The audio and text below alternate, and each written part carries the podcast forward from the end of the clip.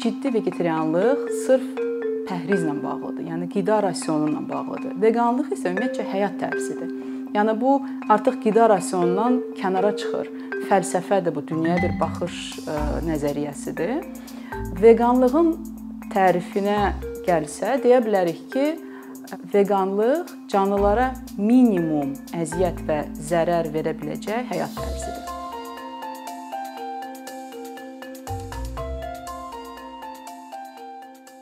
Ətrafımda bir çox insanlara deyəndə ki, mən veqanam, çox vaxt başa düşmürlər, yəni bu veqan nə deməkdir? Çünki son zamanlar çox eşidirik veqan, vegetarian, bu terminləri çox eşidirik, amma sona qədər başa düşmürük ki, dəqiq nə deməkdir.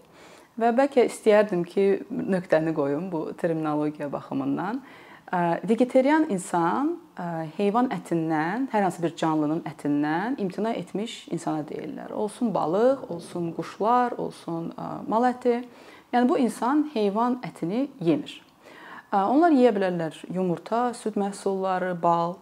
Vegetarianların da fərqli növləri var. Var lakto-vegetarianlar, ovo-vegetarianlar, lakto-ovo-vegetarianlar. Yəni bəziləri yumurtanı yeyir, bəziləri süd məhsullarını yeyir.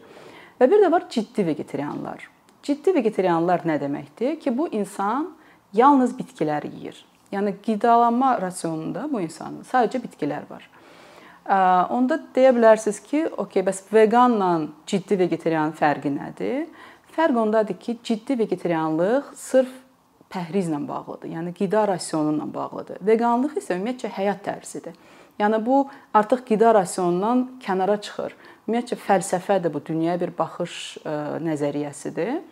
Ə, veqanlığın tərifinə gəlsə, deyə bilərik ki, ə, veqanlıq canlılara minimum əziyyət və zərər verə biləcək həyat tərzidir. Yəni Biz veqanlar biz çalışırıq ki, minimum canlı xəsarət alsın bizim həyatımızın nəticəsində. Bu nə deməkdir? Biz e, tək qida rasionumuzda yox, həm də ümumiyyətcə həyatımızda çalışırıq heyvanları istismar etməyək. Heyvanlardan hazırlanmış paltarları geyinmirik, olsun dəri, yun, ipək, e, mirvari taxmırıq zinət əşyalarından e, tutam ki, heyvanlar istismar olunan yerlərə getmirik. Sirklardır, zooparklardır, akvariumlardır. Bu yerlərə dəstək olmuruq. Və yəni ümumiyyətcə çalışırıq ki, minimum zərər vuraq. Bu artıq veqanizm deməkdir. Bu veqanlıqdır ki, sən yalnız qidanda yox, ümumiyyətcə sən düşünürsən ki, mənim hər atdığım addım nə ilə nəticələnə bilər. Yəni bu ciddi vegetarianlıqla veqanlığın fərqidir. Veqan olmaq üçün nə lazımdır insana? İlk öncə səbəb. Əgər insan bilmirsə o nə üçün veqan olur, düzü çox çəkməyəcək həmin insan veqanlığı. Səbəblər də fərqli səbəblər ola bilər. Kimisə etik səbəblərdən veqan olur ki, heyvanları öldürüb onları yemək etik deyil. Kimisə sağlamlıq baxımından veqan olur ki, heyvan mənşəli qidalar bizim sağlamlığımıza zərər vurur, ona görə mən sağlamlıq yaşamaq istəyirəm və veqan oluram. Kimisə ətraf mühitə görə veqan olur, çünki bir çox alimlər e, indi onu təsdiqləyir ki, e, veqan həyat tərzi ətraf mühitə minimum zərər vuran həyat tərzidir. Yəni bəzi səbəblərdən, fərqli səbəblərdən insanlar veqan ola bilərlər, amma o demək deyil ki, kimsə məsəl üçün mən özüm hansı səbəbdən veqan oldum? Həm etik səbəbdən, həm sağlamlıq səbəbdən. Çünki etik səbəbdən mən tək veqan olsaydım, mən uşaq vaxtından veqan olardım. Çünki çox sevirdim e, heyvanları, amma yeyirdim də. E, sonra mən artıq özüm üçün araşdıranda, e, tapanda və nöqtəni qoyanda ki, okey, bu mənim sağlamlığım üçün zərərlidir, o zaman mən veqan olmağa qərar verdim. Və veqanlığı ümumiyyətcə yeni bir termindir deyə 1940-cı ildə ümumiyyətcə bu peyda olunub bu termin. Çox yeni bir anlayış olduğuna görə çox miflər bürüyür veqanlığı. Bəzi ən çox rastıma çıxan miflər, məncə Azərbaycanda da eşitdiyim sözlər var ki, veqanlar zulal çatışmazlığından əziyyət çəkir. Yəni sən əgər heyvan əti yemirsənsə, zulal yalnız heyvan ətindədir. Sən necə zulal alırsan? Zülal yalnız heyvan ətində deyil. Zülal hər şeydə var. Hətta yediyimiz göyərtidə belə zülal var. Bunu deyəndən sonra insanlar fikirləşir ki, yaxşı, bəs heyvan ətində tam zülaldır. Yəni onun içində bütün amin turşular var bizim bədənimizə lazım olan. Razıyam heyvan ətində tam zulaldır, amma bəzi bitkilərdə də tam zulallar var. Bunların arasında soyadır, amarantdır, kinoadır. Amma yenə də buna baxmayaraq siz bu bitkiləri istifadə etməsəniz belə, biz gün ərzində axı bir növ bitki yemirik. Yəni cürlərlə növbənöv biz bitkilər yeyirik. Və bunların hamısını bir-birlərindən e, necə deyim, sintez yarananda bizə bütün lazımi zuallar orqanizmimizə gedir. Yəni elə bir vegan yoxdur ki, dünyada zual əksikliyindən əziyyət çəksin. İkinci mif Azərbaycanda çox yayılıb bu mif. Ümumiyyətcə dünyada da var ki, vegan olmaq üçün milyonçu olmaq lazımdır. Çünki veqan qidalar çox bahadır. Bizim ona indi maddi vəziyyətimiz imkan vermir. Ona görə nə vaxtsa milyonçu olsaq, bəlkə veqan olarıq. Bu niyə düzgün deyil? Ümumiyyətcə bu mif necə formalaşıb? Baxın, biz mağazaya gedirik, meyvələri görürük, tərəvəzləri görürük, dənliləri, paxılları, heç birinin qabağında vegan yazılmayıb, düzdürmü? Yəni biz baxırıq ki, sadəcə gündəlik yediyimiz ərzaqlardır. Amma gedirik, tutam ki, süd rəfinə yaxınlaşırıq. Görürük inək südü durub litri 2 manata və badam südü durub litri 10 manata.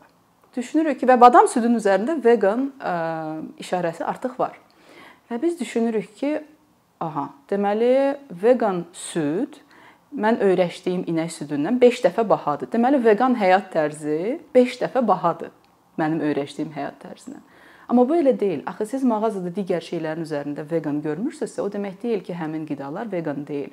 Yəni bütün meyvələr, çərəzlər, tərəvəzlər, dənlilər, paxlallar bu vegan qidalanmanın əsasıdır. Və baxsaq ən bahalı ərzaqlar hansılardır mağazalarda? Ət məhsullarıdır ən bahalı ərzaqlar. Bal, kərə yağı, pendirlər, düzdürmü? Yəni əslində biz bu ən bahalı ərzaqları qidamızdan çıxarmış oluruq. Yəni vegan qidalanma əslində daha ucuz başa gəlir, xeyli daha ucuz başa gəlir öyrəşdiyimiz qida rasionundan. Və tək qidaya aid deyil bu. Dəri paltar eko dəridən daha bahalıdır. İpək paltar poliester paltardan daha bahalıdır bilmirəm, yaxud yun paltar pambıq paltardan daha bahalıdır. Yəni hara baxsaq, həyatın hansı bir məqamına baxsaq, vegan alternativ daha ucuzdur biz öyrəşdiyimiz məhsuldan.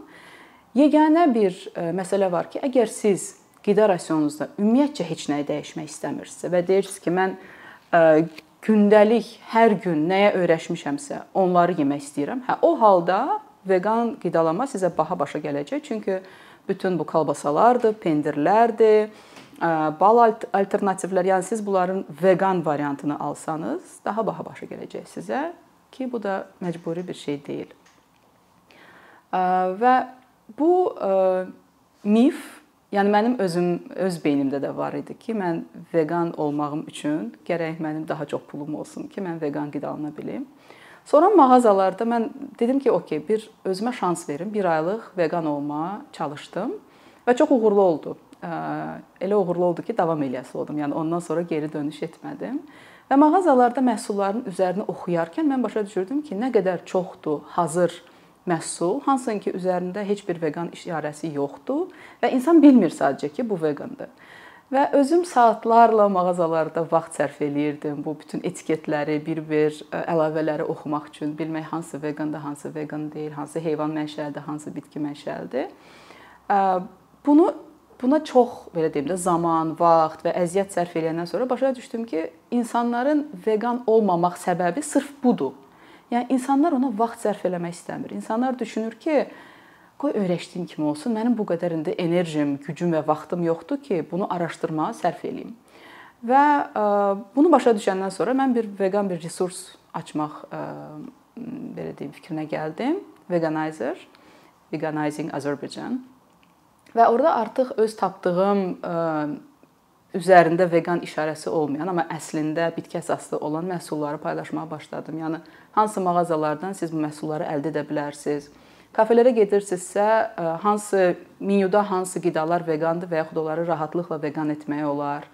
Çox asan veqan reseptlər e, özüm bişirirdim və paylaşırdım.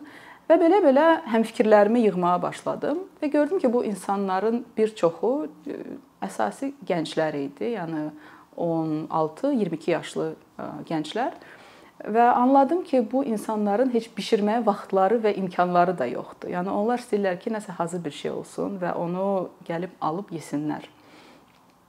Və bu insanlardan çoxlu ə, belə deyim, istəklər gəlirdi ki, bir vegan mağazası olsaydı, biz də yaşayardıq falan. Ə, biraz gözlədim, ə, 1 ilə yaxın gözlədim ki, bəlkə açılar vegan mağaza. Çünki vegan restoran artıq açılmışdı. Amma gördüm yox, bir irəliləyiş yoxdur və qərara gəldim ki, niyə də yox? Yəni niyə də mən onu açmayım? Və bu mağazanı mən onun üçün açdım ki, yəni keçən ilin 2020-ci ilin aprelində artıq açıldı veqan mağaza və orada yalnız belə deyim, veqanları düşünmədim. Ümumiyyətcə fərqli qidalanan insanları düşünərək, yəni orada glutensiz məhsullar da var, şəkərsiz məhsullar da var ki, şəkər xəstəliyi olan insanlar üçün, ümumiyyətcə sağlamlıq üçün şəkərdən imtina edən insanlar üçün də nəsə olsun. Seliak xəstəliyi olan insanlar nələrsə tapa bilsinlər. Gluten allergiyasına, gluten allergisindən əziyyət çəkən insanlar nəsə tapa bilsinlər. Və o mağazada siz nəyi tapa bilərsiniz? Yəni nəyi, hansı ki məhsulu siz vegan görmək istəyirsiniz və tapa bilmirsiniz, o mağaza tapacaqsınız. Hətta bizim milli şirniyyatlar paxlavadır, qoğaldır, şəkərburadır. Bunları da biz vegan versiyasını hazırlayırıq və dadı heç də geri qalmır öyrəşdiyimiz milli şirniyyatların dadından. Və bu mağaza artıq 1 ildir də fəaliyyət göstərir. Bu 1 il ərzində çox maraqlı insanlar gəlib mağazaya və mən onların bir çoxundan tanış olmuşam. İnsanlar öz təcrübələrini paylaşdıqca, ki, tutam ki, paylaşır biri dərisində çox ciddi problemlər var idi, ekzema, səpki, akne və s. və insan nə edibsə kömək etməyib ta ki inək südündən imtina eləyənə qədər. İnək südündən imtina eləyən kimi dərisi təmizlənib insanın ki, öz üzərimdə də bu təcrübə təcrübədən keçmişdim. Çünki məndə də ekzema var idi və 1 ay içində keçdi inək südündən imtina eləyəndən sonra müxtəlif, yəni belə bir hekayələr eşidəndə tutam ki, bir nəfər var idi, o xərçəng xəstəliyinə çiy veqan qidalanma ilə artıq belə deyim də öldürmüşdü bütün xərçəng xəstəliyini və sağlam həyat tərzi aparır indi və 50 yaş üzərindədir yəni bu insan. Və bu insan biləndə ki, buna nə isə dəyişmək lazımdır həyat tərzində, qidalanmasında. Həmin insan düşünməyib ki, Əşi, mən bu yaşdan sonra artıq nəyi dəyişirəm? Hər şey öz yerində, mənim enerjim yoxdur, mənim gücüm yoxdur. Yox, araşdırmasını eləyib, dəyişib, nəticəsini görüb və e, indi sağlam həyat tərzi sürür. Yəni əgər bir insan e, dəyişməkdən qorxursa, o məncə proqres edə bilməz. Yəni dünya dəyişir, dünya hər gün dəyişir. E, gündə yeni bir məlumatlar ortaya çıxır və biz bu dəyişən dünya ilə ayaqlaşmağı bacarmalıyıq. Yəni qorxmayaq dəyişməyə, qorxmayaq böyüməyə, qorxmayaq yeni məlumatlar əldə etməyə. Qorxmayaq həyatımızda öyrəşdiyimiz məqamları yaxşılıq tərəfə dəyişməyə. Əkinçinin yeni videoları haqqında məlumatlı olmaq üçün kanalımıza abunə olmağı və xəbərdarlıq funksiyasını aktivləşdirməyi unutmayın.